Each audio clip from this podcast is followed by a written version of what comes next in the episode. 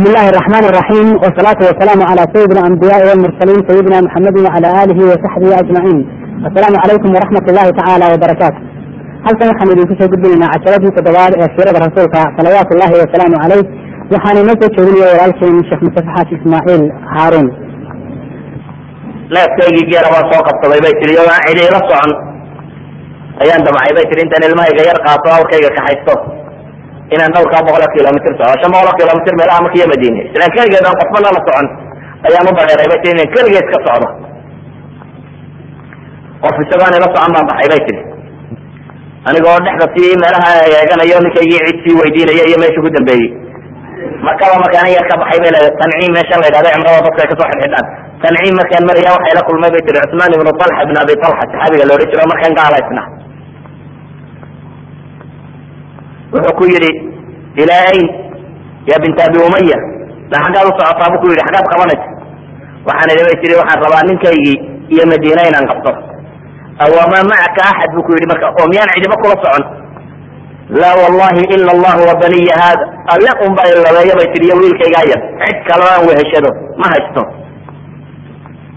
Nin carbeed oo weli raganimo ku horsantu ahaa wuxuu yidhi markaas wallahan ku dhaartay inaan sidaa lagaaga tegay saasi si maahay gabadh iyo ilmaheed yar inta wadda cidla afka loo saaro in la yidhahdo iska tage alkiibu hogaanka qabtay bay tiri. Ninkan waa nin reer makaa meel lakuma socdo. Laakin wuxuu ka naxay gabadhan keligeed inta ninkeedii laga reebay keligeed meesha cidladaa u sii socota. Markaasuu awrkaygii intuu hogaanka qabtay ayuu la dhaqaaqay bay tiri.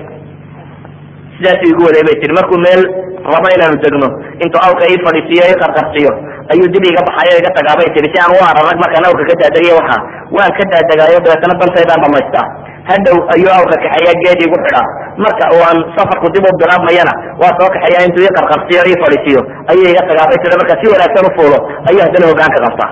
Nin xishood ku jira bu saas buu u waday bay tiri ilaa iyo aanu ka tegaynay magaaladii madiina. Qarya bani camr ibn cawf biquba yani quba markaanu gaadhnay bay tiri ayuu wuxuu yidhi nayawa gabadha. Halkaas baa ninkaagii degan yahay orod haddaba. Fadkiliha calaa barakat illah buu yidhi wakaas ninkaagiy ugad halkiibuu dib uga laabto maka u noqday. Dan kale u kalaha isaga ma jirin inuu maka qabtee. Gabadhan umu ka naxay un meesha la silciyey waxay odhan jirtay markaasi umu salama wallahi ma aclamu ahla baytin fi lislaami asaabahum ma asaaba ala abi salama wama ra'aytu saaxiban qado akrama min cusmaan ibnu talxa umu salama waxay alaysu lahayd inay tidhaahdo maan arag islaamka gurigu ku dhacay wixii reer abusalame gurigiisa ku dhacay saddexdan qofa midba meel loo kaxaystay. Manan arag bay tidhi nin ka kariimsan oo ka sharafti badan ninka la yidhahdo cusmaan ibnu talxana maan arag bay tidhi. Cusmaan ibnu talxana mar dambe ilaahay qalbigiisa diinta soo geliyey oo bacda sulxi xudaybiya ayuu islaamay saxaabigo markii dambe noqday. Saxaabadu saasay uhijrooneysay waxyaabaha hijrada laga tilmaamo waxaa ka mid ah cusmaan bin cumar ibn lkhataab iyo hijradiisii oo ay yidhahdaan wuu cadeeyey laakiin axaadiista waxaa sheegaysa o dham waa daciif insha allah. Wax sanadkooda saxiix mala ma jiro. Kuwa ugu rooroon ka warama cumar iyo hijradiisa waxay sheegayaan aniga buu leeyay iyo ninka la yidhahda cayaash ibn abi rabiica iyo hishaam ibn lcaas ibn wail sahmi saddex iyadaasa waxaanu ku balannay bu yihi meesha la yidhahda tanaadib waa meel fawqa sarf yani meel yaroo magaalada dacalkeeda ah inaanu intaanu midkaayaba dhankiisa ka soo xidhxidho inaanu halkaa isugu wada nimaadno oo qarsoodi aanu ku baxno oo kale. Meesha markaanu isugu wada nimi bu leeyay waanu rabnay inaan ku baxno. Ayaa waxaanu dhibi saddexdeenu halkaasaynu isugu imanayna. Halkaa markaynu isugu nimaadana aan tagno. Ninkeenii waktigaa halkaa laga waayowna macnaheedu waxa weyan waa lagu qabto. Yani saddexdoodaba inay dhuntaano meesha isugu yimaadaana ku baxaan bay doonayaan. Ninkii laakin halkaa laga waayo inuu yahay maxay? Nin la xidhay oo la qabtay aniga buu yidhi iyo ninkii cayaash la odhan jiray halkii baanu ku waabarisanoo isugu nimid. Ninkii hishaam la odhan jiray ibnu caas ibnu wail isaga waa la qabtay bu leeyahy oo waa la imtixaamo la fitneeyey oo mushkiladaasa ku dhacday. Markaanu madiine nimi bu leeyahy ayaa waxaanu ku soo degnay diyaar bani camr ibn cawf biquba dabeetana waxaa naga daba yimi bu yidhi ninkii la odhan jiray abu jahl ibnu hishaam iyo alxaris ibnu hishaam oo labadan nin dhanna ilmaadeer bay ka yihiin cayaash ibn abi rabiica dhanna waa ridaac bay walaala ku yihiin wa ibnu camihima wa akhaahuma liummihima hooyadood bay walaalo ku ahaayeen ayuu walaala waaye calaa kulli xaal nimankani way ka daba yimaadeen ninka kan. Oo isku hooya naas nuujisay. Dhanna waa ka wadaayeen xagga aabana waa ka ilmaadeen xagga hooyadana waa ka wadaan. Madiinay kaga daba yimaadeen marka. Dabeetana way la hadleen. Iyagoo le hooyada nadar bay gashay. Inaanay madaxeeda biyo marin oo dhib badan bay ku jirta. Ee hooyada nadarkeeda u ofiyo kaalay u tago. Markay ku aragto markaa way nadarkeedii way ka baxaysaa oo dhib haysatee.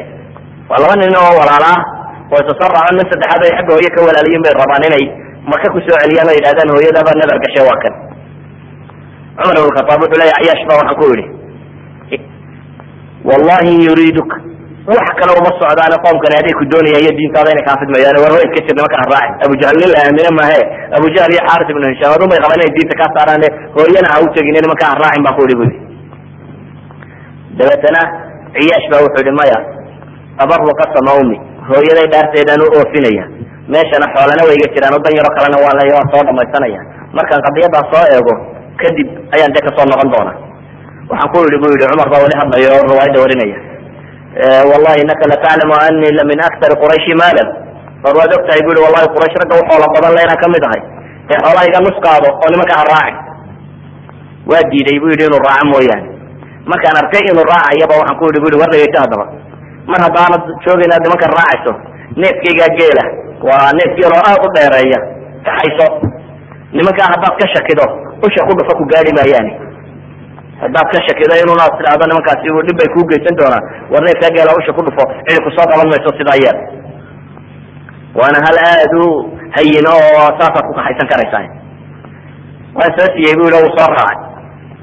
Dhexda markay marayeen ayaa abujahl waa shaytaana yidhi war awrkaygii dhibba haysato waa kane walaalaan kaaga kula fanfuulo bu yidhi. Aan neefkaaga xagga dambe fuulo. Run buu ka moodo uu fadhiisiyo xagga dambe soo fuul bu yidhi markii uu fadhiisiiyey ee dhulkaysa soo taageen ayuu laba diblo u qabto xadhig bay ku xidheen. Xadhig intay ku xidhxidheen si aan ugaba baxsanin ayay soo qaateen markaa isagoo maxbuus oo xidhxidhan makaan la keenay. Dabeetana waa la fidmeeyey sidii loo garaacayo loo waday ayaa diinta lagaga saaray. Ilahay baan ku dhaartay alla kama aqbalayo. Kuwii diintooda laga fidneeyey sarsan walaa cadlan walaa tawba waxba lagama aqbalayo. Ma nimanka intay ilaahay garteen haddana gaalnimo dib ugu noqday wax dambe lagama aqbalaya loodhan jiray bu cumar ibn khataab leeyahy ilaa iyo markii dambe ay soo degtay aayaadkan qur'aani buu leeya ilahay leeya ya cibaadiy aladina asrafuu cala anfusihim la taqnatuu min raxmat illah in allaha yakfir dunuuba jamiica inahu huwa algafuur raxiim waaniibuu ilaa rabbikum waaslimuu lah min qabli an yaatiyakum alcadaabu uma laa tunsaruun. Wtabacuu yani aayaadkaas tirada badan la soo degay oo suuratu zamr saddex iyo konton ilaa shan iyo konton zumar laga gaadhayo oo dadkii fitankani uu ku dhacay sababtooda ku soo degtay buu cumar leeyahy markaas baan aayadan u qoray bu yihi gacantaydaan ku qoray bu yihi dabeetana ninkii ninkan waa ninkay dee soo wada hijroodeen. Ninkii hishaam ahaa baan dib ugu diray bu yihi waraaqdaas aan leeyahay bu yihi ina in qalbigiisa alla ku soo rido anu islaamnimadiisi uu dib ugu noqdo. Hishaam markii ay u timi bu leeyahy ayaa waxaan la tegay bui zitawa oo waadi maka ku yaalla halkii baan ku eegay bui waday wado waaba fahmi waayey bu ilahay wa iga madoobeeyo ilaa markii dambe ilaahay baryo aan ihi bu yihi ilah way fahamsiin dabeetana ilahay baa qalbigayga ku soo riday bu yihi inaan fahmo aayaadkan oo garto waxa loo jeedaa inay tahay. Sababta iyadii inay ku soo degtay. Farajactu ila bairi fajalistu calayhi falaxiqtu birasuuli lahi sala allahu alayh alih wasalam ibnu hishaam baa siiradiisa sanad xasana qisadatan ku soo saaraya halkaas baan dib ugaga soo noqday bu leeya o awrkaygii intaan hashaydii dib u soo fulay neefkii geel ayaan dabeetana mar labaad soo hijrooday bu yihi waa nebiga u yimi calayhi salaatu wasalaam riwaayada tan baa sanad xasana ku soo aroortay saa daraadeed bay yidhahdaan wax alaaliya waxa kale sheegaya ee ka warramaya inuu cumar cadaystay markuu soo hijroonayay ama koox caynkana inuu ku soo baxay. Waa riwaayada dhamaantood daciifka ah wax la xoog badan aan ku jirin. Saxaabadu sidaas bay satra u soo hijroonayeen u soo baxayeen.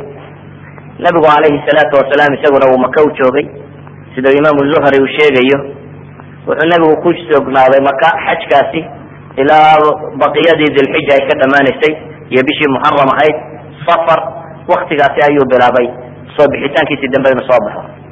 Akhbaartu waxay mutawaatir ku tahay ba la yidhaha nabigu alayhi salaatu wasalaam maalin isniinta saaxibu fatxi ilbaari uu sheegaya isniinna inuu ka baxay maka isniinna inuu madiine galay.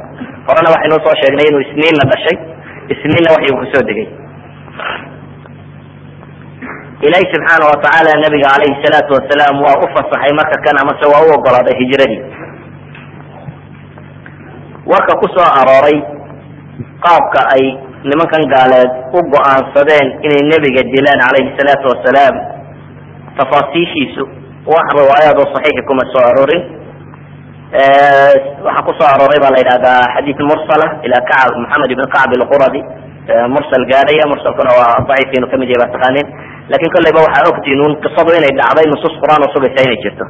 Waid yamkuru bika aladina kafaruu liyuthbituuka aw yaqtuluuka aw yakrijuuka wayamkuruuna wayamkuru llah wallahu khayru lmaakiriin yani qisada asalkeedu inay sugan tahay oo ay tashadeen nimankii quraysheed intay isu tageen oo ay ku tashadeen nabiga calayhi salaatu wasalaam inay dilaan oo wararkana isweydaarsadeen ah in la xabsiyo in la dilo in la bixiyo intuba inay ahayd aaraa meesha taallay oo go'aanku uu u dambeeyuna ah in la dilo go'aanka ah inay qaateen yani naska qur'aana daahirkiisa ayay ku taallaa amase laga wada arkaya hijrada nabiga calayhi salaatu wasalaam nusuusta ku soo aroortay insha allah wixii asaxay gaar ahaan kuwa saxiixeynka ku soo arooray ayaynu adeegsan doonaa.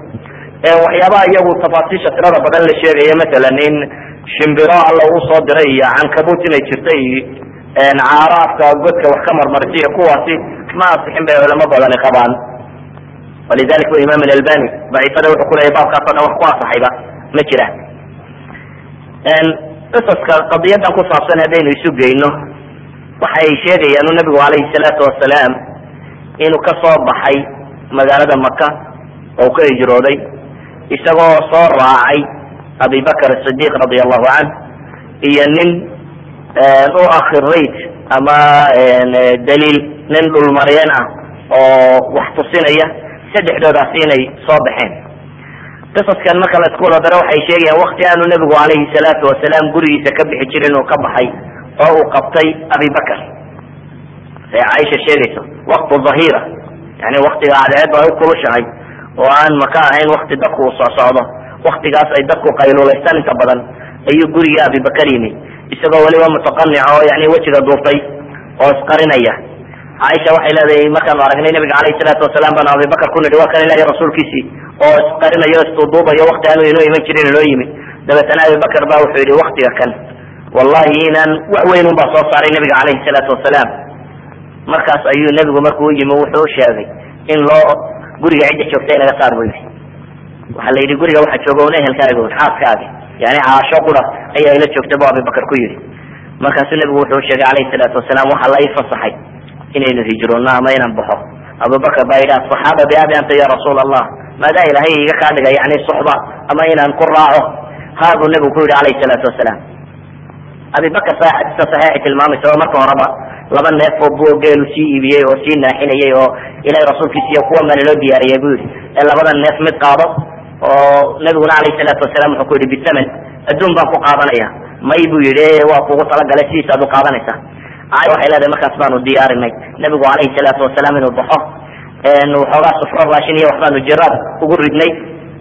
Qandi ama maxaa la yidhahdaa sibraar oo kale qarbad waxaanu afka kaga xidhnay intaanu hore u weynay. Ayaa asma bintu abibakar duliceediiba intay laba u kala dilaactay. Ayay midna dulicsatay kii kaana afka kaga xidhay waa sababta loogu bixiyey baa la yidhaha zatu nifaaqayn ama zatu nifaaq loogu bixiyay asma bintu abibakar. Maalintaasi duliceeda ay dilaacisay nabiga calayhi salaatu wasalaam iyo abibakar ugu xidhay saahidoodii riwaayaadkaasi saxiixii waxay sheegayaan nabigu calayhi salaatu wasalaam iyo abibakar inay baxeen. Gaaru thawr ina inay tageen.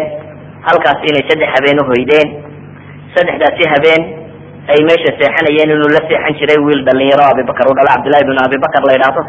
Oo wiil aada u fahmo badan ahaa. Habeenkii inuu iyaga la joogi jiray. Waagu markuu soo baryayana inuu ka iman jiray maka inuu ku waabarisan jiro maka iska dhigi jiray inuu halkan waagu ugu baryay wixii wada jiray inuu u ururin jiray. Dabeetana habeenku markuu dumay inuu uqaadi jiray wixii magaalada war lagu hayo o dhan oo uu soo warrami jiray. Camir ibnu fuhayra ninka la yidhahde mawla abibakara nimankii u xoreeyey abibakar ka mid ahaayo xoolaha abibakar kaasina intuu arigiisa soo kaxeeyo. Ariga abibakar inuu meeshaasi soo daajin jiray agagaarkeeda oo habeenkii goor dambe uu meeshaas soo mari jiray. Dabeetana nabiga calayhi salaatu wasalaam iyo abibakar inta loo liso kadibna uu ka soo kaxayn jiray nin bani caday ka tirsan qabiilkaasi. Na waxay u kiraysteen inuu unoqdo haadi. Ama ninkii horkici lahaa. Ibnu isxaaq riwaayaadkiisa waa ninka uu bixiyey in la yidhaha cabdillahi ibn urayqab. Riwaayaadka saxiixa ahi waxay sheegayaan markaasi nabiga calayhi salaatu wasalaam iyo abibakar meesha saddex habeen hoydeen kadibna inay ka soo baxeen. Ninkaasi inuu labadii raaxilo keenay. Sidaasi ay safarkooda ku soo galeen safarkooda inay itijaaha markii hore ka lumiyeen meeshan ay u baxeen iyo dadkan ay galeen koonfur bay kaga taalla magaalada iyadoo madiinina xagga kale looga kacayay yani dhanka yamane. Dabeetana waa raab tirteen. Xagga xeebta ayay mareen. Saas buu nabiga calayhi salaatu wasalaam iyo abibakar ay kaga baxeen.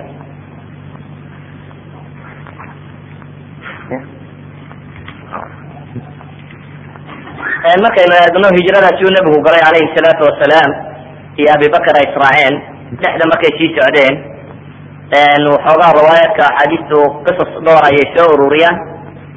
Waxaa ka mid ahaa godka markay ku jireen inuu abibakar baqay oo u cabsaday uu lahaa ilahay rasuulkiisiyo hadday nimankani gomadeena hadday camahooda hoose eegaan wayna arkayaan.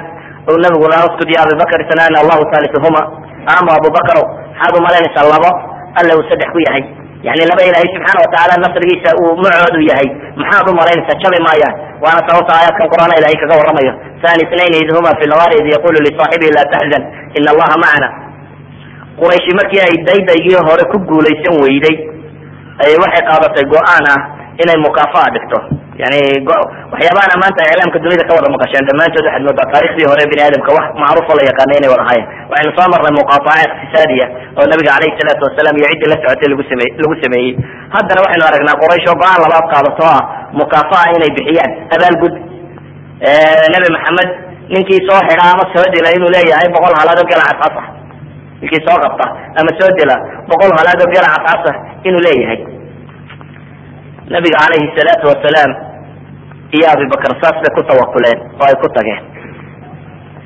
Haddaan iska soo koobno qisada oo runtii riwaaya tiro badan laloo soo arooriyo. Waxay sheegaysaa u nabiga calayhi salaatu wasalaam iyo abibakar dhexda inay ka meel dhexe markay marayeen oo abibakar uu marna nabiga horgelayo marna dabagelayo inta badanna uu daba socday. Abibakar inuu ahaa nin ceradu ay ku taallo cera ka muuqato nabiga calayhi salaatu wasalaam laakiin isagu ceraba maba lahayn markuu geeriyoonaya la yidhaha waxaan labaatan gaarin baa madaxiisaba ku yaalay ayaa dadku waxay yidhahdaan su'aal marka la weydiiyo su'aasha wuu u gaabinayay. Ninka kana kale markay weydiiyaanna wuxuu u tilmaamaa un inuu yahay nin wax tusinaya. Waxaanan uga jeeday bu leya yani aakhiro dee jidka loo maro iyo jannada ninka jidka loo maro ciddii tusinaysay bu ahaa bu leya nabi maxamed alayhi salaatu wasalaam. Been buu sheegay tawriyadaas buu samaynayay meel dhexe markay marayeen inay cid u yimaadeen ay caana weydiisteen oo yihi caanaba reer kuma yaha jiraan neef ida ah oo aan canaba ku oolin oo yani irmaanayn inay yidhahdeen kan ma maalla oo loo ogolaaday oo kii intay salaxdeen un ilaahi subxaana watacaala uu darariyo ay caano badan ka cabeen dhexda markay marayeen inuu nin arkay ninkii arkay inuu tolkii ku soo noqday oo dabeeta damcay inuu sheego quraysh warkeedii baa la haya.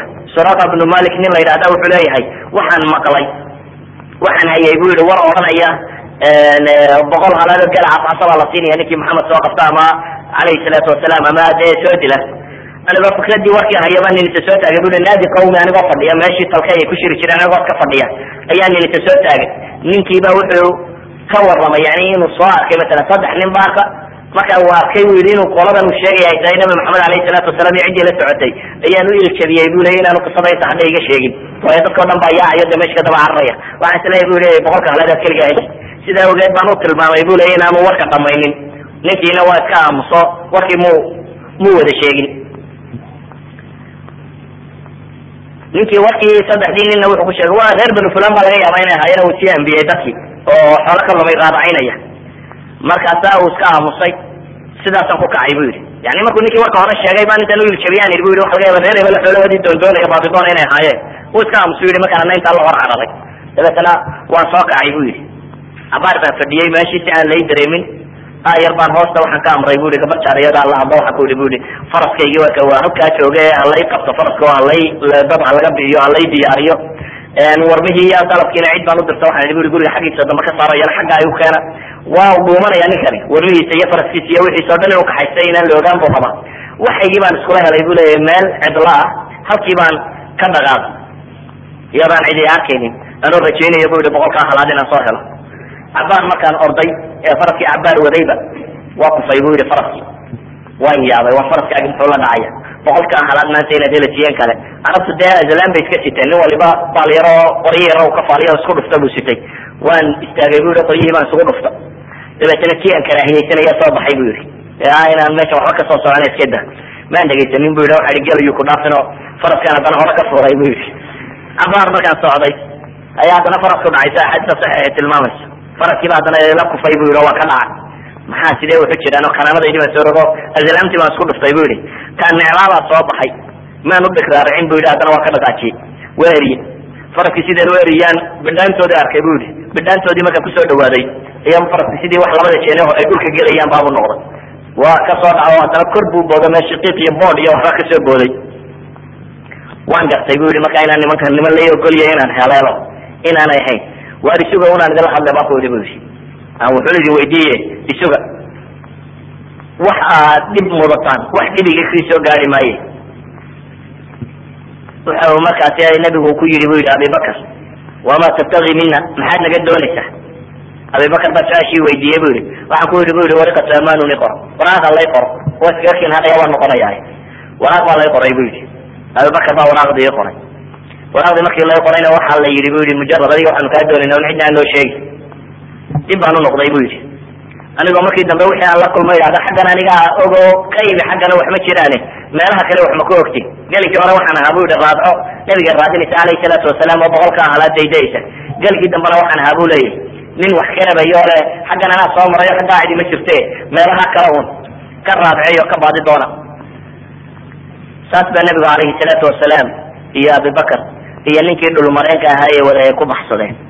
Ibnu isxaaq laftiisu siiradiisa riwaaya saxiixa buu ku soo tilmaamaya meelihii ay mareen oo dhan buu sii wada sheegaya. Lakin waxba ugama baahnin runtii inaan sii tiltilmaamno meelahaasi magacyadooda baynu ga adag. Nabigu alayhi salaatu wasalaam wuxuu tegey madiina wuxuu kaga bilaabay quba oo reer bani camar ibni cawf ayuu ku degay labiyo toban kii rabiiculawal baa la yidhahdaa makti ay ahayd maalin isniineed waktigu meesha gelaya goor kulayla buu tegey oo subax kasta way soo bixi jireen muslimiintu iyagoo nabiga raba inay soo dhaweeyaan laakiin markay hore u waayeen oo ay cadceediina kululaatay oo guryihii laskaga noqday wakti caynkaasiyu nabigu soo galay alayhi salaatu wasalaam. Culamay taarikh waxay dhaha nin yahuudiya ugu horakoo dabete u qayliyey. Oo yidhi war ninkaan raadinayseen waa kanoo soo galay. Markaas bay muslimiintii ka hor yimaadeen oo la soo dhaweeyey wuxuu nabigu ku daadegay markaasi quba oo bani camr ibni cawf qolada la yidhahda ay degan tahay. Waana meesha uu ka dhisay sida axaadiista saxiixa ay tilmaamayso. Masaajidkii ugu horeeyay uu nabigu dhiso alayhi salaatu wasalaam oo masjidu quba ah kadib uu go'aansaday inuu hore u guuro. Waxaa soo dhaweeyey reer banu najaar oo dhan. Reer banu najaar oo odayadoodii baa wada yimi oo seefahoodii waxoodiiba sita. Waxaa la tilmaamaa ilaa afar boqol oo khamsamia min alansaar baa la yidhahdaa baa ka hor yimi oo raba inay magaalada geeyaan nabiga alayhi salaatu wasalaam dabeetana qolo waliba waxay dhamaaday inuu iyaga ku dego. Nabigu wuxuu ku yihi alayhi salaatu wasalaam iska sii daaya hashani waa amrantay halkay istaagta un meeshay fadhiisatay.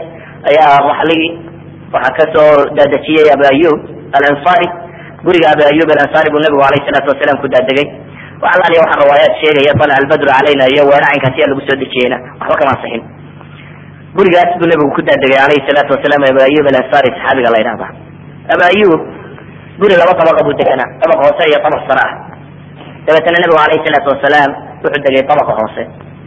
Abu ayub iyo haaskiisiina waxay degeen tabaqa sare. Dabeetana abu ayub waxaa la fool xumaatay. Nabi maxamed dushiisa inuu luglugeeyo. Oo xagga hoosena nabigu ku jiro isna xagga sare saaraado ayaa la fool xumaatay. Kadib baa nabiga u yimi waxaan ku yihi bu yhi ilahi rasuulkiisiiyo ilama qurux badna inaad ana guriga xagga hoose joogto anaa dushaada luglugeeye adigu xagga sare kor annagu aanu xagga hoose degne nabigu alayhi salaatu wasalaam wuxuu ku yihi waxaa dad badan baa noo imanaya waxa noo fudud xagga yaga hoosa noo fudud xagga hoose noo dah. Dabeetana xaggii salaama degnay bu leeyahy waxay culamada taarikh sheegaan gurigii meel yaroo koonaa buu ka dego xagga sare ah maalintii dambe jalxadii siirada biyo ahaydna way ka quban. Hal xalaaf oo quro ay haysteen ayay biyihii ku tirtireen iyagoo ka cabsanaya nabiga alayhi salaatu wasalaam. Wax qoyaani ay xagga hoose inaanay ku gaadhin iyagoo ka cabsanaya ayaa xataa xalaafkii yaraayo quro ay haysteen ay ku tirtireen. Biyihii ka daatay. Ansaari saas bay usoo dhaweysay nabiga alayhi salaatu wasalaam iyo muhaajiriintii kaleba soo dhaweynta weyne saxaabadu ay kala kulmeen muhaajiriinta iyo ansaarta ay kala kulmeen waxaa kaaga filan aayaadka qur-aan ilahay kaga waramayo والذين تبوأوا الدار والإيمان من قبلهم يحبون من هاجر إليهم ولا يجدون في صدورهم حاجة مما أوتوا wayuutiruuna cala anfusihim walaw kana bihim khasaasa waman yuuqa shuxa nafsihi faulaika hum lmuflixuun aayaadkaasi alla subxaana watacaala ku tilmaamaya ansaari inay naftooda ka horumarinayeen saxaabada kale. Ama nabigu calayhi salaatu wasalaam axaadiistaba uu ku tilmaamayey siday u fiicnaysiyeen ama ay u soo dhaweeyeen waxaa kaaga filan aba hurayra iyo saxaabadii warinaysa axaadiista tirada badan leh. Ee ansaar iyo siday u soo dhaweeyeen lahaa qoom wixii mu'nana iyagu naga qaabilay markii hore waxay ogolaadeen oo yidhahdeen aan wax walba nus idinka siino dabeetana muhaajiriintiina way diideen.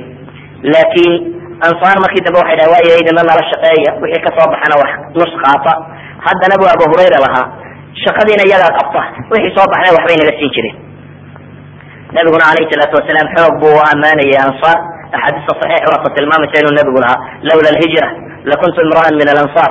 Haddii hijrada lalaayahay buu nabigu lahaa waxaan ahaan lahaa qof ansaarta ka mid ah. Ama law salakat ilansaaru waadiya aw shicba lasalaktu waadi lansaari aw shacbahu nabigu lahaa haddii dadkuna ay waadi maraan yani ansaarina ay jid marto dhabaha ansaari marto ayaan mari lahaa buu nabigu leeyahy alayhi salaatu wasalaam wuxuu nabigu bilaabay markaasi madiina masjidkiisa nabawiga inuu dhiso. Masjidka kan oo meeshuu ka dhisay ay ahayd meel beer yara oo dhowr geetimireed ku yaal yaallo oo laba carruur oo agoon oo reer bani najaari ay leeyihiin.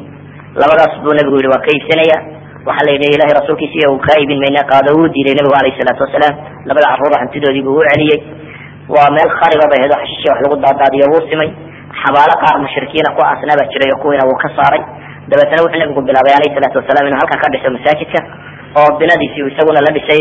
Waa binadii ay saxaabada ku heesayeen isugu celcelinayeen allahuma inahu laa khayra ila khayru laakhira fansur ilansaara walmuhaajira nabigu laha alayhi salaatu wasalaam ama fi bacd riwaaya laa ciisha ilaa ciisha alaakhira ay ku soo aroortay. Halkaas buu nabigu wuxuu ka dhisay markaasi almasjid nabawi oo ah yani waxay culamada taarikh tilmaamaan nabigu alayhi salaatu wasalaam madiine markuu tagay saddex shay buu qabtay. Saddexda shay ugu horreeya uu qabtay waxay ahayd ko wuxuu dhisay meel ilahay lagu caabudo yani wuxuu xoojiyey dadka iyo xidhiidhka alla la leeyahy subxaana watacaala awalu shay ama masjidkii quba ha noqdo ama kan madiine ha noqde. Thani shay u qabtay waxay ahayd baa la yidhahdaa wuxuu walaaleeyey saxaaba waa meel khariba bay ahayd xashishi wax lagu daadaadiyo wuu simay xabaalo qaar mushrikiina ku aasnaa baa jiray oo kuwiina wuu ka saaray dabeetna wuxuu nabigu bilaabay alayhi salaatu wasalaam inuu halkan ka dhiso masaajidka oo binadiisi isaguna la dhisay waa binadii ay saxaabada ku heesayeen isugu celcelinayeen allahuma inahu laa khayra ila khayru laakhira fansur ilansaara walmuhaajira nabigu laha alayhi salaatu wasalaam ama fi bacd riwaaya laa cisha ilaa cisha alaakhira ay ku soo aroortay in halkaas buu nabigu wuxuu ka dhisay markaasi almasjid nabawi. Oo ah yani waxay culamada taarikh tilmaamaan. Nabigu alayhi salaatu wasalaam madiine markuu tagay saddex shay buu qabtay. Saddexda shay ugu horreeya uu qabtay waxay ahayd ko wuxuu dhisay meel ilahay lagu caabudo yani wuxuu xoojiyey dadka iyo xidhiidhka alla la leeyahy subxaana watacaala awalu shay ama masjidkii quba ha noqdo ama kan madiine ha noqde thani shay uu qabtay waxay ahayd baa la yidhahdaa wuxuu walaaleeyey saxaabadii muhaajiriintii iyo ansaartii ayuu kuwadoodii oo iyana ah fima bayna almu'miniin xidhiidhka udhexaynaya oo xoojiyey. Shayga saddexaad u qabtayna ma yidhahdaan waa alwasiqa distoria oo ah muslimiinta iyo hayruhum xidhiidhka ka dhexayn doona wuxuu ahaan doono. Waa maamulkii madiine halkuu ka bilaabay baa la yidhahda idan cid kasta oo muslima oo isbeddel islaamiya ummada la rabta halka ay ka bilaabi kartaa waxa weeyaan ba la yidhahdaa. Halkaa nabigu ka bilaabay alayhi salaatu wasalaam. Waa inuu ka bilaabmo dadka iyo alle sida laysugu xidhayo dadka mu'miniinta dhexdooda saa laysugu xidhayo mu'miniinta iyo ummadda kale yeelanayaan. Waxa uu noqon doono madiina iyo intaynu ufahmno waxaa ban inaynu waxoogaa eegno. Madiina magaceedii qadiimka ah yasrib baa la odhan jiray. Waana magaalo qadiim oo taariikh hore oo gabowday leh. Waa magaalo maka ka biyo badan bay ahayd. Dhinacyadan ay ka xigaan xaraad nin kastoo bariga iyo galbeedka labada xarbay kaga kala yaalla xaratu waaqib iyo xaratulwabra oo midna bariga ku taalla midna galbeed ku taalla ay xarooyinka ugu waaweyn ahaayeen. Xagga waqooyi iyo xagga koonfur galbeedna laba buurood ay ka kala xigaan oo jabal uxud iyo jabal uciir laba buurood la kala yidhaahdo. Magaalada gudaheedana waadiyaal badan bay lahayd oo waadi batxaan mudaynib maxzuus xaqiiq yani waadiyaal tira badan baa magaalada dhex mari jiray maadaama ay buura la hareera ka xigto dhowr waadi oo engegan oo majmac albaxayrat meel la yidhahdo majmac alasyaal baxayra meel yar oo isugu wada yimaadaan intooda badani yasrib degaan ahaan laba kooxood baa deganaa koox carab ah iyo koox yahuud ah labada kooxood culamada taarikh markay ka warramaya waktiyada ay soo degeen exactly lama yaqaano laakiin waxa degaankooda horeeyey kooxda yahuudda ah. Oo yahuudda asal ahaan yahuudda xijaaj degta waxay ka timi baa la yidhahdaa sham oo suuriya iyo yani qaybta sham la yidhahday waqooyiga. Iyo masar bay ka yimaadeen baa la yidhahdaa gaar ahaan sham qarnigii koowaad iyo labaad ee milaadiyada markii ay romanska nimankii la odhan jiray qabsadeen dhowr goor ka dambeysayna way soo hijroodeen la yidhahdaa weliba waxaa la sii tilmaamaa laba goor oo yahuuddu fawra ay samayso istiri kacdoon ku samee boqortooyinkii romanskii meesha ka jiray.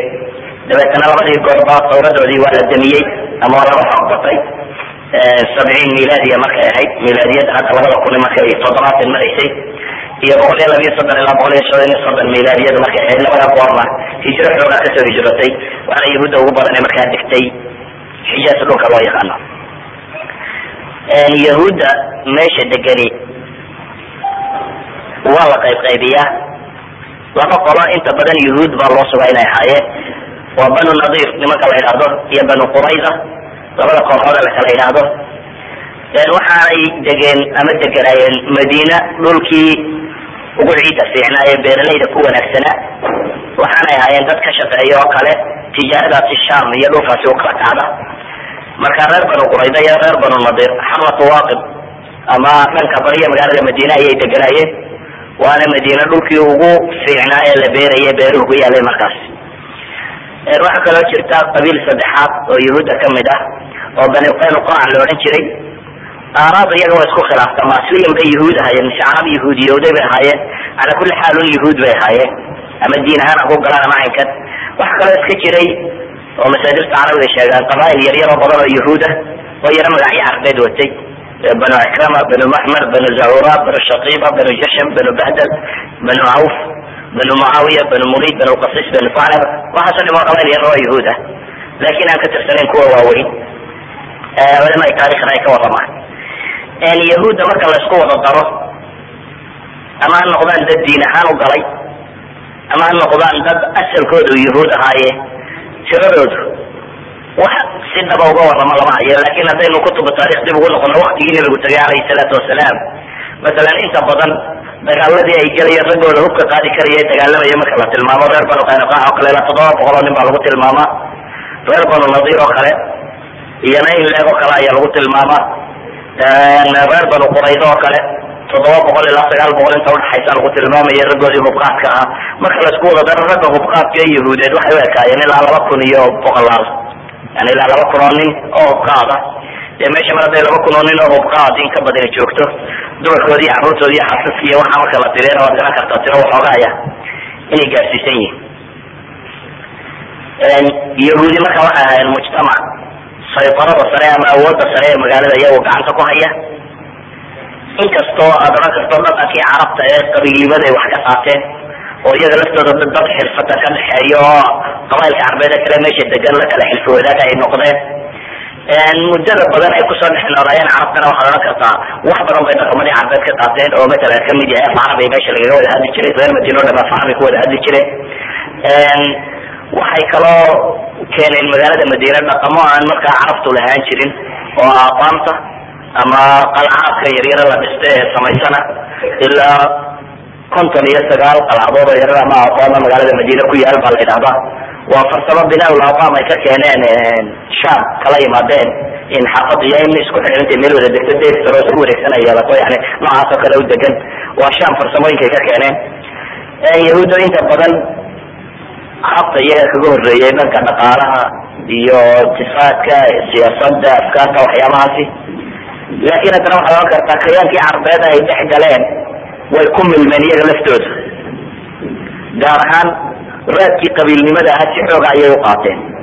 Mujtamaca reer madini wuu ka gedisnaa mujtamaca reer maka reer maka mujtamac tijaara ku salaysan bu ahaa baayamishtar laakiin mujtamaca reer madini wuxuu ahaa mujtamac ku salaysan inta ugu badan le beeraley iyo farsamo. Beeraley bay lahaayeen timirta iyo cinabka xoogu beera iyo xubub kalaba. Beeraley wax dhaqatay xataa lahayno digaag iyo maashiyo kale iyo waxaasi sameeya farsamo yaqaanay lahaayeen sameeya dharka iyo waxa la tolo iyo waxaasi oo dhan gaar ahaan qalabkan guryaha la dhigay iyo waxaas oo dhan yani mujtamac ka dhaqan gadisan mujtamacii maka ee tijaarada kula ku salaysnaa ayay wakaayeen waxaanay ahaayeen dad inta ugu badan leh dhaqaalahooda uu gacanta ugu jiro nimankaasi yuhuudeed oo farsamadii ribada ahaana ku dhaqma. Dhan kale markaanu tilmaamna carab baa la deganayd meesha tan. Carabta deganayd waa carab reer usdiya yani carabtii yeman ka soo qaxday.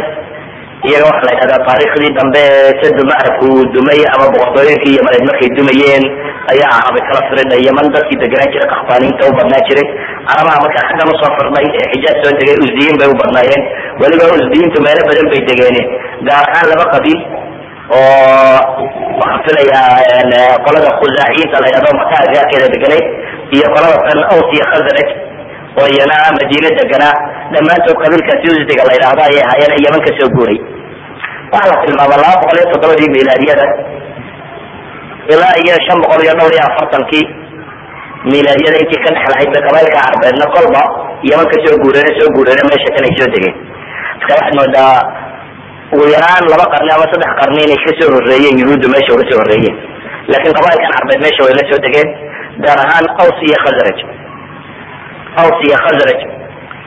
Waxay kala degeen aws mantaqat alcawaali bay degeen oo waxay jaar la noqdeen markaa reer banu qurayda iyo banu nadiir khasrajiyiintuna magaalada xaggeeda hoose qolana xagga sare ka degtay qolana xagga hoose ayay ka degtay qolana xagga hoose ka deganina reer banu qaynuqaac ayay jaar ahaayeen. Aws dhulkay degantay baa labada dhul ahaan fiicnaay oo dhulkii beeraha isaga laftiisu xidhiidh la lahaa. Labadan qabiile carbeedna laftooda gudahooda munaafasa ka dhexaysay loolan. Taasi waxay keentay inay yuhuudda la kale noqdaan xilfi wadaag oo qoloba qolo ay xilfi wadaag la noqoto. Mujtamaca kan carbeed ee meeshan degay. Waxaynu odhan karnaa si kastaba ha dhacdee way ka tiro bateen mujtamaca madiina reer yahuudeed way ka tiro badnaayeen. Waayo inkastoo iyagaba aynan tiro koob rasmiga ka haynin laakin waxaad ka garan kartaa. Ciidamadii muslimiinta ay saari jireen ee ansaar oo kale markii fatxu maka ansaar ilaa afar kun oo nin baa meesha marayay. Marka dee ciidan afar kun oo nin nimanka soo saari karay waxaad garanaysaa tiradooda inay in badan ka badnay qoladii kalena ilaa laba kun aynu ku tilmaaminay ciidamadii yahuudiyada meesha deganaa marka waxa muuqato asbaabtii doontaba ha noqotee yahuud in lagaga badnaa tira ahaan oo ay ka badnaayeen carabta meesha degani laakin yahuudi farsamadii ahayd inay khilaafka dhex wado oo isku dirto oo kala kaxayso. Iyo iyagoo dee ahlu kitaab u ahaayo diin u sheeganayay oo waxyaabaha qaarkood ku dhaamay taasi waxay keensatay inay carabta meesha timi xataa ay xilfi wadaag la kala yeelato nimankan yahuudeed ee kala degan. Laakin haddana carabta markay isdishay yahuuddu dhexdhexaad inay ka ahaan jirtay inta badan iyaguma isku eegi jirtay. Cadaawad aada u xun baana dhex yaalay labadan qabiil gaar ahaan aws iyo khasraj dagaalo badan badan oo horena way soo galeen. Laakin dagaalada hore oo dhan inta badan khasraj baa gacan sarrayn jiray oo aws waa laga yaro xoog badnaa inkastoo dagaalkii ugu dambeeyey aws xoog badatay. Xarbu bucaad oo dagaalkii ugu dambeeyey aws ayaa ku xoog badnayd. Xarbu bucaadna isagu wuxuu dhacayba nebiga hijradiisii wax yar ka hor. Iyagoo markaa un dagaalka laga soo hog dhigtay ayuu nabigu yimi alayhi salaatu wasalaam walidalik ba caaisha waxay odhan jirtay ba xarbu bucaad wuxuu ahaa. Dagaal ilaahay uu uga dhigay ee nabiga alayhi salaatu wasalaam yani loo sii horumariyey inuu meesha ku degaan waayo xarbu bucaadka wuxuu keenay. Kow in odayadii qabaailkan ay dhintaan iyo nimankii madaxda waaweynta ka ahaa iyo raggii diinta ku hor lahaay oo dhan inay madhaan. Aws iyo khasraj dhalinyaradoodii inay soo hadho shabaab ah ansaartii hore ee nebiga baycada la soo gashayna waataynu neenay cabaas ibn cabdil cabaas ibn cabdilmutalib waa ku lahaa. Waa maxay raggan aanan garanayn be wada dhalinyaradii waa kugu tilmaamayay yani waxaa meesha ka muuqata aws iyo khasraj dadka u xoogane hor socda inay dhalinyaro iskaga badnaayeen mala-ul qowmna inay dagaalada tan hore ugu dhinteen. Saasi daraadeed bay noqotay meel fudud oo dacwadu si xoogan ay u geli karto. Weliba dagaalka kale markan uu sii dhamaanaya xarbu bucaad ayay nimankan carbeed bar dib isugu noqnoqdeen. Waxa la yidhi waanaan dib u heshiino oo bal aws iyo khasraj dib ha laisugu keeno. Oo odayadooda waxay ka nool in ay madaxa kuna wada samaystaan. Marka waagaa waxay isku dayayeen inay hel boqortooyo samaystaan. Oo ninkan la yidhaahdo cabdillahi ibnu ubay ibnu saluul rasul munaafiqiin lagu tilmaami jiray markii dambe. Cabdillahi ibnu ubay ibnu saluul nin reer khasraja buu ahaa. Laakiin qabiilkan yare jilibka yar isagu ka dhashay dagaalka xarbu bacaad muu gelin o xidhaan u dhexbaan ka ahay. Dagaalkaana ma rabo inaan galo dabeetana qabiil markii la heshiisiiyey waxa la yidhi madaxaan wada samaysano aws iyo khasraj isu keeni karta. Oo nimankeena carbeed hogaamisa. Waxa la yidhi cabdillahi iyo kooxdiisa dagaalkan dhex ka ahaa. Marka cabdillahi baa la rabay in madax laga dhigto. Waa ka culama sira tilmaamayeenba markuu nebigu magaalada madiine soo galay waxaaba la tolayay baa la idhahdaa taajkii la saari lahaa cabdillahi yani waa la isku waafaqay. Laakin in dee taaj la saaro boortooyo tilmaamada magac le ay noqdaan baa lagu waday saa daraadeed taajku tolmadiisii baa socotay maadaama taajkii la tolayay cabdillahi min kursi ufadhiyey buu ahaa. Markii uu magaalada madiine nabigu soo galay alayhi salaatu wasalaam ee islaamkiina uu faafay ee muhaajiriinta yimaadeen wadcigii magaaladuba wuu isbedelay. Oo nabi maxamed ba hogaamiyey alayhi salaatu wasalaam qiyaado cusub buu yeeshay. Cabdillahi waxa la yidhaha colaadba halkay kaga bilaabatay halkan bay in kursigiisii uu maxamed qaatay buu arkay alayhi salaatu wasalaam yani kursi siyaasiya loo talayay iyo kursi uu meel ku fadhiisan lahaa ayuu arkay qiyaadadii inuu la wareegayba nabi maxamed alayhi salaatu wasalaam taasuu colaad isagu ka qaaday oo munaafiqnimadan iyo baabkan oo dhan wixii geliyay baabkaasa ugu sii badnaa bay yidhahdaan wadciga caynkaasiya oo heshiis markaa carabi dhexdooda ay wado oo dagaaladii ka soo dhex dhacay iyo dhiftan dhex maray ay ka murugooysan yihiin oo ay rabaan inay heshiiyaan ayaa nabigu alayhi salaatu wasalaam soo galay. Xadiiska bukhaarina waata caaisha ay tilmaamaysay markaa kana yawmu ducaati yawmun qadamahu llahu lirasuuli llahi sala allahu alayh wali wasalam faqadama rasuulu llahi sala allahu alayh wali wasalam waqad iftaraqa mala'uhum waqutilat sarwatuhum wajurixuu wuxuu soo galay bay tihi maalintii ducaat maalin ilaahay nabiga u horumariyay ee nabigu wuxuu madiina yimi bay tihi calayhi salaatu wasalaam iyadoo nimanka carbeed madaxdooda ay kala jabtay halkii quraysh malaheedu ay wada socday diinta meel kuna looga wada tashanayay daaru nabi uu ka jiray meel shir lagu wada qaato jiray. Iyadoo nimankani haddun dagaal laga soo doogayo aan la is arki karin odayadu ee mujarad la heshiisiyo inoo laska kala madax qarsanayo aan tala badani ka dhaxaynin. Isla markaabay tihi waqutilat sarwaatuhum wajuruxu sarwaadka waxaa la dhahaa sarwaat lqawm dadka inta ka tilmaamane hadiyo goor ama madaxa ama maamus kule ama magac kule la tilmaamo. Leadershipka mujtamaca inta ah. Iyadoo mujtamaca kan leadershipkii uu ka dhintay bay leedahay. Badhna uu dhaawac yahay. Ayuu nabigu calayhi salaatu wasalaam soo galay. Iyadoo weliba islaamkuna madiina ku sii faafayo. Idan mujtamaca madiine loogu yimi labada kooxood oo carabta tan qayb badan oo kamidii markaasi ay islaamtay oo ay diinta soo galeen iyo dadkii soo hijrooday oo ah saxaabo soo hijrootay oo timi madiina oo u badan dad aan waxba haysanin. Saxaabada soo hijrootay waxay ahaayeen dad diintoodii ka doorbiday wax alaaliya waxa kale qof uu daneeyo. Oo ragay soo hijroodeen iyadoo hantidooda o dhan lagala haday masalan suhayb arumi waxay sheegaan culamaai taarikh markuu soo hijroonayay waa la qabtay bay dhahan waxay dhahay oo adigoo lagu wataa maka keenaan xoola lahayn. Makaad ku dhaqato xoola ku yeelata saa daraadeed adigaanu ku sii daynayna laakin hal shilin ku raaci maayo. Xoolahaad la tegaysaa ma jirto. Anigun may daynaysaan bu ku yidhi. Ha ba la yidhi. Dabeetana xoolahoo dhan qaata bu yidhi aniguna sii daaya. Naftiisa qunu la soo hijrooday. Waatuu nabigu lahaa rabixa suhayb rabixa suhayb oo ku tilmaamayay xadiidku xaakim soo aroorinayo ee saxiixun calaa sharti muslimka ku tilmaamayo waxaa ka mid ah inu soo tilmaamay abi salama oo ilmihii lagala haday oo xaaskii lagala haday oo wax walba laga reebo keligii iska soo hijrooday idan waxay ahaayeen saxaabada badane meeshan timi rag hantidoodii iyo adduunkoodii iyo waxoodiiba lagala haday laakiin door biday inay ilaah rasuulkii hijroodaan. Door biday inay diintooda xoojiyaan. Hijrada tani markaa si istaba socda bay u socotay. Kooxo diintooda la soo baxsaday iyo markii dambe nabigu calayhi salaatu wasalaam oo uu hijradaba kaga yeelay waajib. Markuu isagu soo hijrooday isagii abibakar ba yimaadeen. Nabigu calayhi salaatu wasalaam wuxuu ku yeelay waajib qof kasta oo muslima inuu soo hijroodo.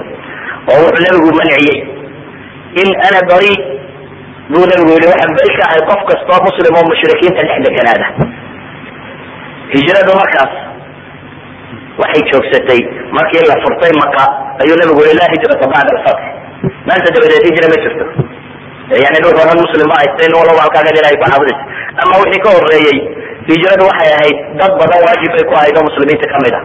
Weliba waxa la yidhaha gazwatu khandaq wixii ka horeeyey iyada xatmi bay ahayd waajib ah qur'aan aad u badan ina uu soo degay oo ilahi subxana watacala uu hijrada ku ammaanayo. Waman yuhaajir fi sabiili llahi yajid fi lardi muragaman kasira wasaca waman yakhruj min beytihi muhaajiran ila llahi warasuli uma yudriku lmawt faqad waqaca ajruhu cala allah والذين هاجروا في سبيل الله ثم قتلوا او ماتوا ليرزقنهم الله رزقا حسنا وان الله لهو وان الله لهو خير الرازقين يعني ايات بدل القران الهي سبحانه وتعالى يجروا كذا ورميه بل waxay soo degay aayaad badan oo quraan oo lagu tilmaamayo cidda hijroon weyda inay zaalimiin yihiin in aladiina tawafahum almalaa'ikatu zaalimi anfusihim qaluu fima kuntum qaluu kuna mustadcafiina fi lard qaluu alam takun ard allahi waasicata fatuhaajiru fiha faulaika mawahum jahannama wasaat masira ila lmustadcafiina min alrijali wاnnisa'i wlwildan ilahi subxaana watacaala aayaad qur'aan uu ku leeyahay kuway malaa'igtu oofsatay iyagoo naftooda dulminaya oo malaaigtu markay oofsanaysa ay tidhahdo war maxaa ku sugnaydeen ay yidhahdaan dhulkaana lagu istidcafsan jiro meeshaasaana lagu hayste oo la haystay albaam ahay war miyaan ilahay dhulkiisu ballaanayn maxaa u hijroon weydeen baa lagu yidhahda kuwaas baa la yidhi jahanamay gelayaan oo kooxun baa laga soo reebay. Kuwii iyaga mustadcafiinta ah ee dumar iyo carruur iyo iyo ragba wixii la haystay iyaga maxaabiis loo haystay ama hijroon kari waayo mooyaane nin xoogan oo gaad iska dhex fadhiya caynkan ku warramay iyagu war malaha ba la yidhi. Hijradaasi waxay keentay markaa in dad badan ay yimaado oo saxaabo badan ay soo hijrooto oo ay yimaadaan magaalada madiina. Oo wadci cusubi uu abuurmo saddexdan kooxood ayaa markaa magaalada isugu yimid. Koox walba si kooban baynu u tilmaami doonaa. Kooxda saxaabada ahi waxay u badnaayeen baynu nihi dadkaasi soo hijrooday ee hanti iyo adduun iyo waxay lahaayeenba ka yimid. Ansaar oo meesha sii deganayd oo orsi khasanaja yahuud oo dhan ka taala yahuud iyaga warkooda waxaynu ku koobayna waxay ahaayeen saddexdaa qabiile waaweyn iyo qabail yaryar waxaanay ahaayeen niman aada u madaxadag oo diinta iyagoo garanaya iska indhamaray waxayan mujtamaca colaada nabiga calayhi salaatu wasalaam ku talagalay. Waan marnaba ku talagelin islaamka. Raaca kana tashaday. Markii hore rajaynaya in iyaga nebigu ka soo baxo laakiin markay arkeen nebigu inaanu iyaga ahayn colaadan ay ku sii biirtay. Makrigood iyo halkay taagnaayeenna iyagoo og inuu nebi maxamed yahay bay diidanaayen walidalika iyagaa tusaale kuna soo qaadanaya ee ugu filan xadiiska bukhaari ku yaalla ee nabigu alayh salaatu wasalaam markuu yimi ba la yidhi ee uu madiine ku soo degay reer banu najaar ayuu caalimkoodii soo baxay ba la yidhi yahuudi nin caalimo ahaa oo cabdillahi ibnu salaam la odhan jiray cabdillahi ibnu salaam oo caalim yahuudiyada soo baxay nebigu u yimi alayh salaatu wasalaam su'aal u weyd weydiiyey marka uu leeyahay su'aalaanan weydiiyey nebi mooyaane cid kale waktigan garanaysaa ma jirto. Markuu xaqiiqsaday inuu ilaahay rasuulkiisi yahay oo nebiga kutubta ku qoray ay sugayeen inuu yahay. Ayuu wuxuu yihi hal baan sheegaya haddaba nebiga calayhi salaatu wasalaam? Haddaan iminka kaa hora shahaato oo sidaas warkaygu ugu tago yahuud iyo dadkii magaalada deganaa wax kale iga sheegi doonaan intaa warkayga la maqal ilaahay rasuulkiisiiyo buu yihi waxaan rabaa yahuudi waa dad been abuurad badane inaad yahuud u yeedho ogaato kaan intaan la ogaanin nabigu alayhi salaatu wasalaam markaasi yahuud buu u yeedhay way u yimaadeen cabdillahi ibnu salaamna gurigu geliyey. Yahuud wuxuu ku yihi ka warrama cabdillahi ibnu salaam maxaa u taqaani waxay yidhahdeen aclamuna wabnu aclamina waakhirana wabnu akhirina wa fii lafdin sayidina wabnu sayidina wa fii lafdin akha khayrina wabnu khayrina waafdalina wabnu afdalina ka waran baa la yidhi ninkaas waxay yidhahdeen cabdillahi ibnu salaam waa ninka horta noogu cilmi badan bay yidhahdeen guri cilmina wuu ka soo jeedaa reer waa caalimkayagiina wuu dhalay isna waa caalimkayagi waa mar labaada bay dhaha waa nin fadli badan waa mar saddexaade waa ninka noogu khayr badan. Guri khayrlana wuu ka soo jeeda waa odayga yagii bay dhahay odaygayagiina u dhalay. Sayidkaygi weeyaan ibnu sayidina waa khas amaanaystaba dhige wuxuu nabigu yihi afara'aytu min aslama cabdallah hadduu cabdillahi islaamo maxaa yeelaysaa yani yahuuda ninkii idinku cilmi badnaa hadduu nebinimadayda qiro idinku maxaa yeelaysaa waxay yidhahdeen acaadahu llahu min dalik acaadahu llahu min dalik acaadahu llahu min dalik bay ku celceliye ilahay waxaa ka ilaaliya ilahay waxaa ka ilaaliya ilahay waxaa ka ilaaliya yani wax macquula maaha waa habaartan waxaanad sheegaysaaye allaha dhinac mariya bay leeyihiin cabdillahi ibnu salaam yani inuu qaato islaamnimadan ilahay ha dhinac mariyo ayay ku dhawaaqeen cabdillahi ibnu salaam oo guriga ku jira soo baxay markaasu wuxuu yihi ashhadu an laa ilaha illa allah wa ashhadu ana muxamadan rasuul allah cabdillahi ibnu salaam kii ay ka wadeen wuxuu yihi waa ana shahaadanaya waxaan qiray. Ilahay inaynu keliya o keligii xaq lagu caabudo. Muxamedna inuu ilahay rasuulkiisa iyo kaas baan qiray bay idhahdeen. Intay dhaqaaqeen bay waxay dhaheen sharuna wabnu sharina bay ka bilaabeen waa kii shar noo noogu shar badnaa kii noogu shar badnaana u dhalay. Nimankii haddana ahaa waa sayidina wabnu sayidina waxay ka bilaabeen sharna wabnu sharina yahuud dhaqankoodu kaas buu ahaa. Meesha ay islaam ka taagnaayeenna noocaas buu ahaa. Muslimiintii kale meesha timi nabigu calayhi salaatu wasalaam wuxuu ku bilaabay ko bina almujtamac alislami inuu sameeyo. Mujtamac muslima in la sameeyo. Mujtamaca muslimkaa samayntiisu waxay ka bilaabantay ko inuu dadka ilahay ku xidho masaajid u sameeyo. Markuu madiine nabigu yimi alayh salaatu wasalaam waxaynu soo tilmaamnay masjidu quba inuu dhisay. Markuu quba ku soo degay markuu soo dhaafayna inuu dhisay almasjid nabowi labadaa masaajid kow inuu dhisay. Oo labadaa masaajid waliba masjid nabowi markii la dhisay nebigu wax ka qaadayay alaabta dhagaxa iyo waxa yani qoryaha iyo waxa la sido ou nabigu alayh salaatu wasalaam gacantiisa wax kaga dhisayay xaadisada masaajidku wax weyn bay tilmaamaysaa. Waxay tilmaamaysaa qofka muslimka ah. Waxa koowaada loo baahan yahy inuu ihtimaamka siiyo waxay tilmaamaysaa masjidku mujtamaca islaamiga waxa uu ka yahay. Wuxuu ka yahay waa meel ay ilahay ku caabudaan waa meel ay ku tashadaan waa meel ay tiladooda ku go'aansadaan waa meesha mujtamac uu ku nasto ee uu xataa cayaarahooday ku qaban jireen ciid oo kale masaajidka gudihiisa lagu cayaari jiray. Waxaad dareemaysaa markaa masaajidku inuu u ahaa bar barta ugu weyn mujtamaca muslimka ah inuu ahaa masaajidku walidalika calayhi salaatu wasalaam nabigu wuxuu dhisay masaajid isagoo aan guri dhisan bal qadiyada labaadna u fiirso guryo mau dhisan nabigu markuu madiine yimi ee wuxuu ka bilaabay inuu masaajid dhiso masaajidka markuu dhameeyey kadib ayaa guryahan yaryare nabiga dhinaca ka raacsisan la dhisay oo halka nimanka xabaashiisa ee uu nabigu ku aasan yahay waa guri yar u dhisay isaga iyo abibakar halkan ay ku jiraan markii dambe masaajidka la fidinayay bu fidniinkii dambe ayuu soo dhex galay idan nabigu wuxuu ka bilaabay inuu masaajid dhiso ka bilaabay dhismaha masaajid wuxuu ka horeysay inuu guri dhisto ahmiyadda lahaa islaamka daraaddeed masaajideena nimka khaawiga ee boodkun iyo carruurta ay joogto aan cid badan kaleba ka xaadirin islaamka wuxuu ahaa halka wax walba laga maamulo wax waliba ka bilaabmaana ka unkamaan waana barta loo baahanyay dadka muslimiinta inay marka horeba xooga saaraan waayo waa halka iyaga iyo ilahay isku xidha qofka muslimka iyo alle halka isku xidha xataa magaalooyinka markuu nabigu yimaado wuxuu kaga bilaabi jiray inuu masaajidka tago oo ku tukado oo ku samaysto kadib uu gurigiisa iyo meelaha u sii kaco masaajidkaasi buu dadkan ilahay ku xidha waa mar labaadee wuxuu nabigu sameeyey calayhi salaatu wasalaam caqdi lmu'akha wuxuu walaalayay dadka muslimiinta ah oo ah iyadoo nusuus caami jirto. Marka horeba sheegaysa inama almu'minuuna ikhwa dadka mu'miniintii inay walaala yihiin ayuu haddana nabigu alayhi salaatu wasalaam marka wuxuu sii sameeyey walaalnimo gaar ah. Walaalnimo gaar ah. Culamaai taarikh dhowr goor uu nabigu wax walaaleeyey bay soo sheegaan. Laakin taynu inagu ujeedna waa tii ugu muhiimsanayd ee madiine ka dhacday ee bayna alansaari walmuhaajiriina ansaar iyo muhaajiriin ayuu walaaleeyey. Ansaar iyo muhaajiriin waxa loo walaaleeyey koowaad wuxu ahaa mujtamac uu dhex yaallo kala durugsanaan dhaqaale. Muhaajiriintu meesha yimaadeen iyagoo aan waxba haysanin. Walidalik ba waxaynu taarikh kooban ka sheegi doonaa niman ahlu sufa la odhan jiro kale. Ahlu sufa waxay ahaayeen rag degay sufat lmasjid oo ah masaajidku markii hore qibladiisu waxay ujeeday bayt lmaqdis dabeetana waa qiblada la soo duway toddobiyo toban bilood ama lix iyo toban bilood ba xaggaa loo tukanayay kadib baa la soo weyey qiblada la soo duwo kacbada layduu soo tukada. Xagga qiblada masaajidku markaa derbi buu kulahaa teetan teedkii buu nabigu yihi saqaf soo saara. Saqaf yar markii xagga looga soo jeestaa saqaf la saaray.